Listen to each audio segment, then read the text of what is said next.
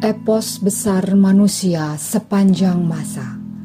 Mahabharata Ramayana ditulis oleh C. Raja Gopalacari diterbitkan oleh Ircisot dibacakan oleh Nyonya Wage dan Tamu Wage bagian kedua Ramayana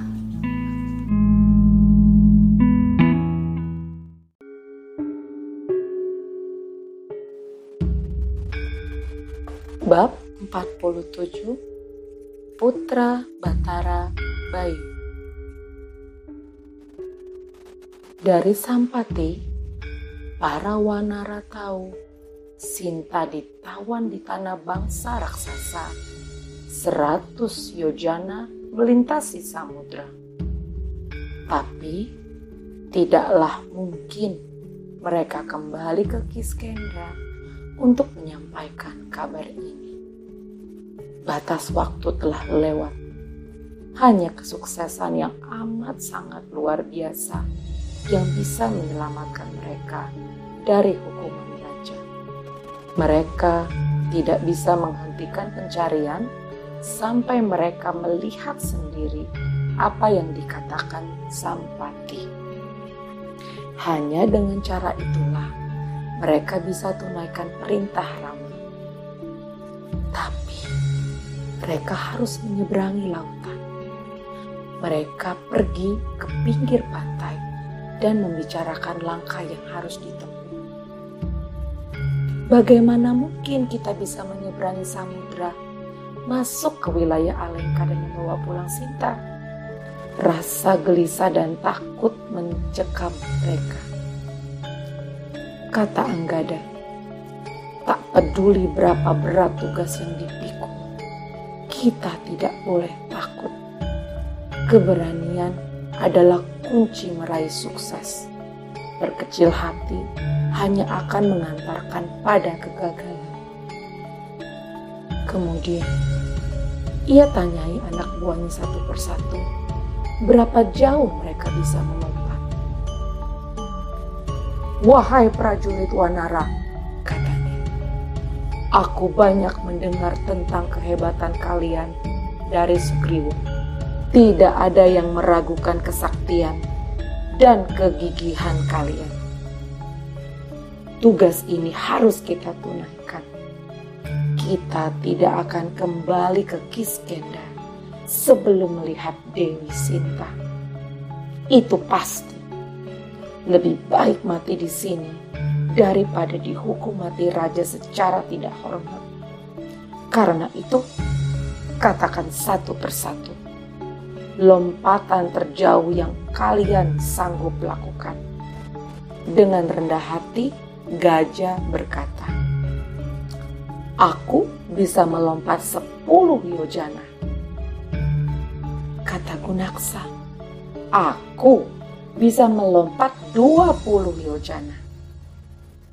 Pemimpin Wanara yang lain mengatakan bisa melompat 30 yojana. Demikianlah, setiap jawaban semakin menambah jauh lompatan. Akhirnya, Jambawan, prajurit Wanara yang paling tua, angkat bicara. Sekarang Aku sudah tua dan lemah. Meskipun demikian, aku akan sangat bahagia bisa menunaikan perintah rajaku. Tapi, apalah arti kesetiaan jika tak disertai kekuatan? Kukira aku bisa melompat 90 yojana dan itu tidak cukup untuk melintasi lautan dan mencapai Alengka. Aku hanya bisa menyesali ketuaanku, kata Yuwaraja sendiri. Aku yakin bisa melompat seratus yojana dan mencapai Alengka. Tapi aku tak yakin masih kuat untuk melompat kembali. Oh pangeran, kau tidak perlu meragukan kemampuanmu. Kesaktian pangeran setara dengan Subali. Namun, tidaklah pantas seorang putra mahkota melakukan tugas ini. Sementara masih ada yang lain yang sanggup melakukannya. Tidaklah pantas dan tidak aman membiarkan seorang raja sepertimu turun tangan sendiri melakukan tugas ini. Kata Jambawan. Kemudian ia melontarkan pujian dan kekaguman kepada Hanuman yang sejak tadi hanya mendengarkan dan diam saja. Aku kira putra Batara Bayu yang hanya duduk diam di sana adalah wanara yang paling pantas dalam hal kekuatan dan keterampilan untuk menjalankan tugas ini, kata wanara tua itu sambil berjalan mendekati Hanuman dan membawanya ke tengah perhatian. Kata Jambawan kepada Hanuman di hadapan para wanara yang seperti kehilangan harapan. Wahai prajurit, wahai kau yang menguasai semua cabang pengetahuan, mengapa kau duduk memisahkan diri dan diam saja? Bukankah kau setara dengan Raja Sugriwa? Bukankah dalam hal kesaktian dan keagungan tidak ada di antara kami yang sanggup mengimbangimu? Bukankah kau setara dengan Rama dan Lesmana sendiri? Aku pernah melihat Garuda, raja segala jenis burung melintasi samudra. Kekuatan bahumu tidak kalah dengan kekuatan sayap Garuda. Dalam hal kekuatan dan kecepatan, kau tidak kalah dengan putra Winata itu. Mengapa tidak kau sadari kesaktian dan kecerdasanmu? Dalam hal kesaktian dan kecerdasan, di dunia ini kaulah yang terbaik. Anjana ibumu adalah gadis perawan cantik di antara para dewi di atas sana. Karena kutukan seorang resi, ia terlahir sebagai wanari. Suatu hari, ketika sedang bermain-main di lereng sebuah gunung, Batara Bayu melihatnya dan jatuh hati. Dewa itu langsung memeluk ibumu. Ibumu marah. Siapa kau, wahai makhluk jahat yang berani menghinaku? Dewa angin menjawab, Jangan marah, tubuhmu tidak akan ternoda oleh sentuhanku. Kau tidak akan kehilangan keperawananmu. Aku memeluk tidak dengan tubuh, melainkan dengan keinginan hati dan pelukan dari batin ini, kau akan melahirkan seorang anak. Akan memiliki kekuatan dan daya hidup yang setara denganku. Ia akan menjadi yang paling kuat dan paling cerdas di antara para wanara. Demikianlah Dewa Angin menenangkan Anjana.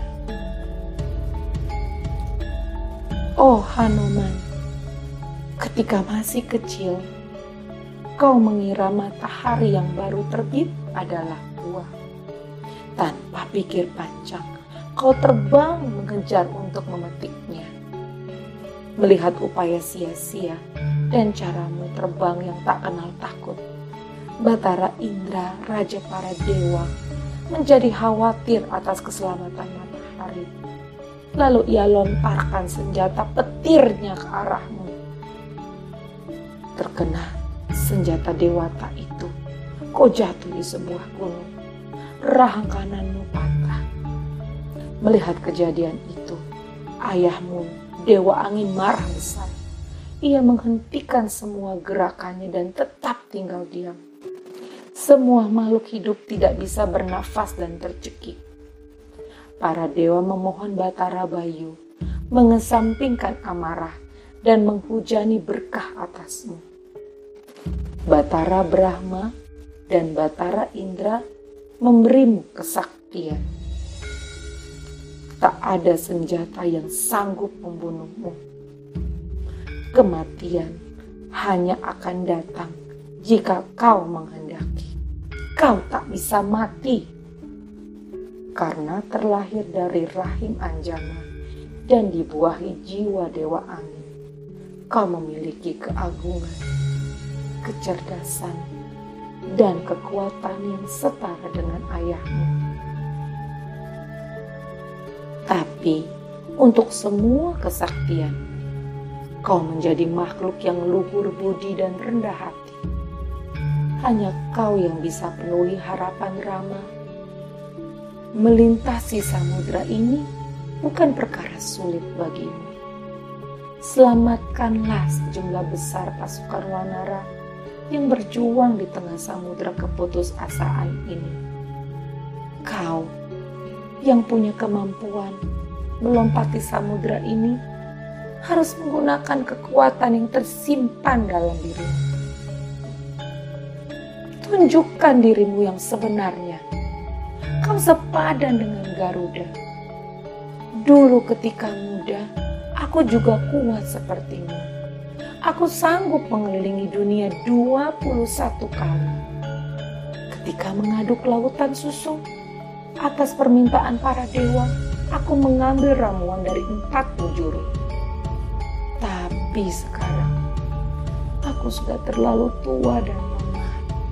Kaulah satu-satunya harapan bangsa Wanara. Oh putra Anjana, kami memohon kepadamu yang berhati mulia dengan warisan kesaktian dewa. Jangan tunda lagi. Sadarilah kesaktianmu yang sebenarnya dan lompatilah lautan ini. Seperti Triwikrama, kau bisa melintasi samudra ini dengan satu lompatan. Lakukanlah dan selesaikan gundah hati kami. Demikianlah Jambawan sang wanaratua memuji Hanuman. Ia mengingatkan kekuatan dan keberanian yang luar biasa besar dalam diri Hanuman. Ia mengingatkan kekuatan dan keberanian yang luar biasa besar dalam diri Hanuman. Seketika itu juga tubuh Hanuman bertambah besar seperti laut saat ombak pasang. Ketika semua memandangnya, putra Batara Bayu semakin bertambah besar. Cahaya yang memancar dari tubuh Hanuman membuat Anggada dan anak buahnya terpesona dan bersukaria. Mulai dari bagian ini, Hanoman menjadi pahlawan Ramayana.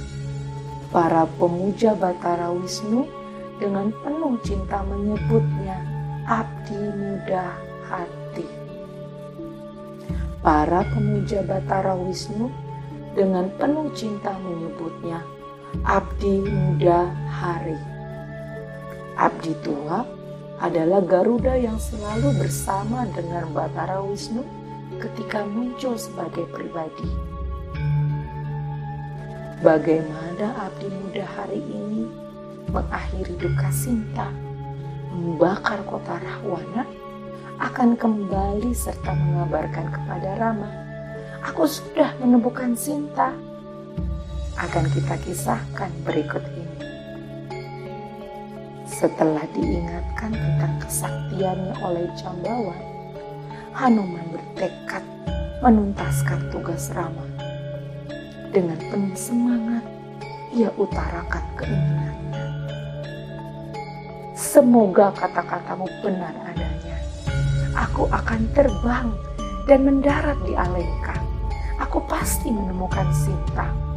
Dan aku akan kembali membawa kabar gembira untuk kalian semua.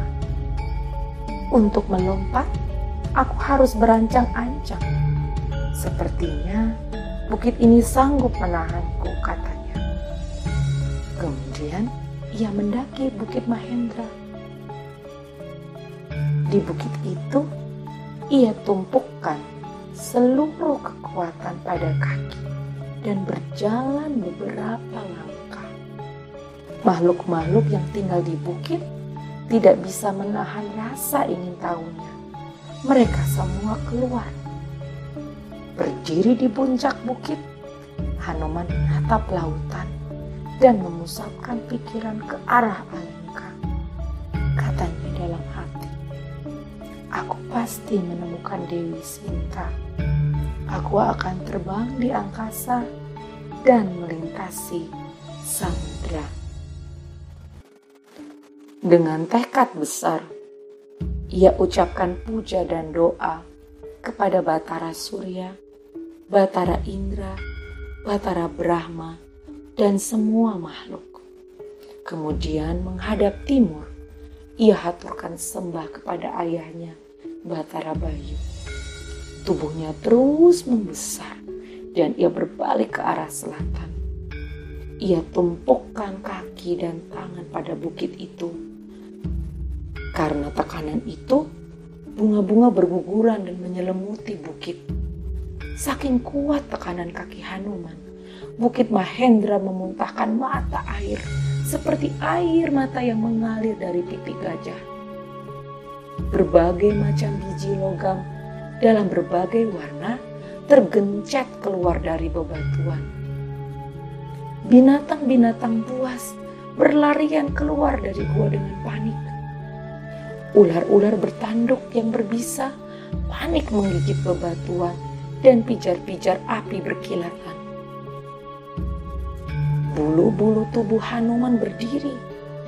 Ia meraung keras dan pukul-pukulkan ekornya ke tanah. Kemudian ia membungkuk dan mengambil nafas dalam.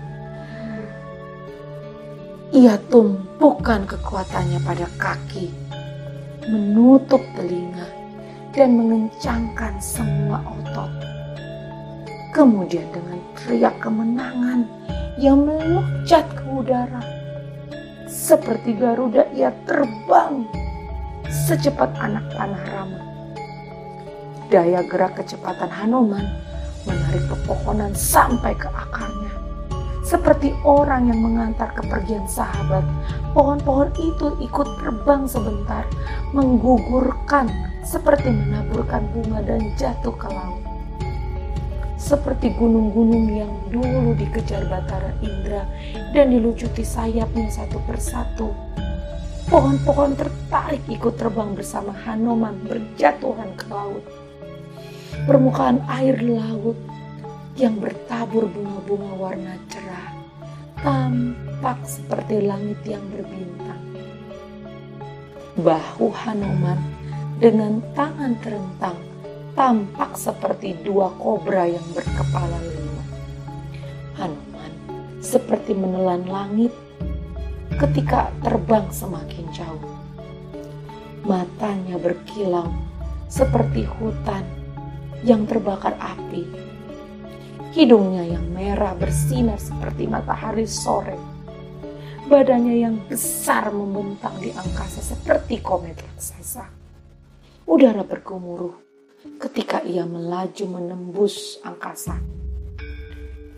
Di bawah tampak bayangan Hanuman seperti kapal yang melaju menembus ombak. Ia seperti gunung yang sangat besar, terbang membelah angkasa, seperti bulan yang bersinar melintasi langit. Kadang tertutup dan muncul lagi di balik awan para Gandarwa menurunkan hujan bunga. Para dewa resi memberkatinya dengan keberanian yang tak pernah surut, dengan pandangan yang jauh ke depan, dengan kepandaian dan tekad hati. Hanuman menghadapi cobaan-cobaan yang menghadangi di jalan. Tiba-tiba dari laut, satu gunung yang sangat besar muncul dan menghadangnya Hanuman menerjang dengan dadanya dan gunung Minaka menyerah seperti awan yang hancur berantakan dihajar angin. Kata sang gunung, Anakku, aku gunung Minaka. Raja Samudra memintaku membantu Sri Rama, keturunan Raja Sagara. Samudra adalah sahabat lama Wangsa itu. Demi menghormati persahabatan kuno itu, tinggallah di sini sebentar. Ketika Batara Indra melepaskan halilintar ke atas lereng-lereng gunung, aku melarikan diri dari penganiayaan ini ke dalam samudra dan bertahan. Samudra yang dulu memberiku perlindungan, sekarang memintaku untuk membantumu. Dulu, putra-putra Raja Sagara menggali dan membuat lautan lebih dalam. Bukankah ayahmu membantuku melepaskan diri dari serangan halilintar Batara Indra dan menemukan perlindungan di laut? Dewa Laut dan aku akan sangat bahagia jika kau mau menerima undangan ini dan beristirahat sebentar di sini. Tapi Hanuman tidak termakan bujuk rayu Minaka. Katanya sopan Aku tidak boleh berhenti, sahabatku. Waktuku tidak banyak lagi. Aku tidak boleh menunda pemenuhan sumpahku kepada Rama. Kata-kata sopanmu sudah cukup menyenangkan hati. Lembut tangannya mengusap gunung itu dan mohon diri. Kemudian, sebuah wujud lain lagi yang sangat besar menghadangnya. Masuklah ke mulutku. Sudah lama aku tidak makan. Aku sudah menantikanmu sejak tadi. Raksasa itu membuka mulutnya lebar-lebar seperti gua. Aku harus melaksanakan perintah Rama. Jangan halangi jalanku. Aku tak akan biarkan kau lewat, kata raksasa itu kau harus masuk ke mulutku dulu. Hanuman berpikir cepat dan putuskan apa yang harus dilakukan. Pelan-pelan, ia buat tubuhnya semakin besar dan besar. Mulut raksasa itu yang adalah penjelmaan Surasa, ibu para naga, yang membuka lebar pun ikut membesar. Ketika mulut raksasa itu sudah sangat besar, tiba-tiba Hanuman kecilkan tubuhnya hingga sekecil debu. Secepat kilat ia melesat masuk ke dalam mulut raksasa itu dan secepat kilat pula ia keluar dan kembali ke wujud semula. Kemudian ia tertawa. Ibu, Aku sudah turuti keinginanmu. Aku sudah masuk ke dalam mulutmu. Apalagi yang kau inginkan? Kemudian Dewi Naga itu memberikan berkatnya. Kau akan berhasil dalam tugasmu. Aku lakukan semua ini atas permintaan para dewa. Mereka ingin mengujimu.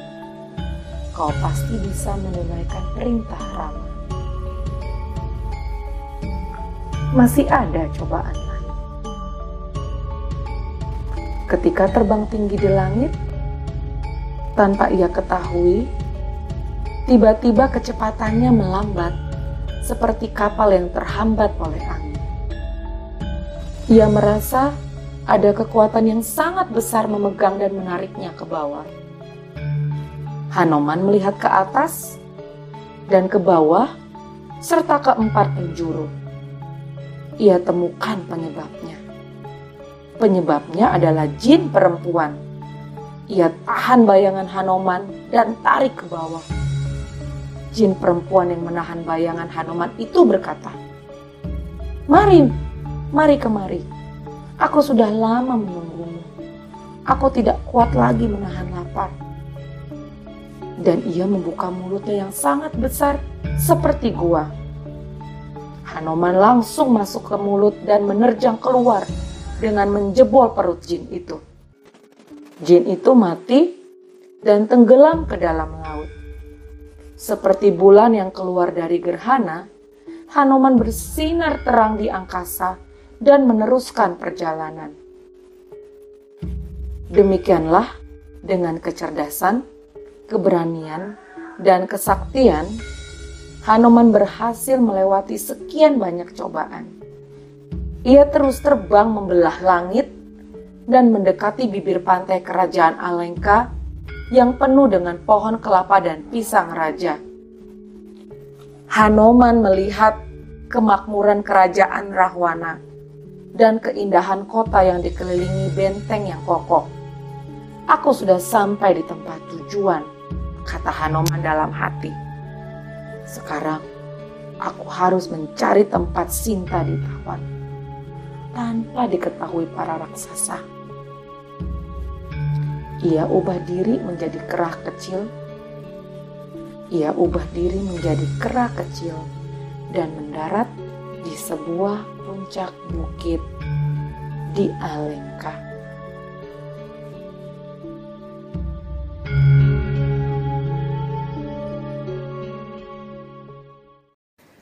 Dengarkan kisah selanjutnya di wagi depan dengan tamu wagi yang lain.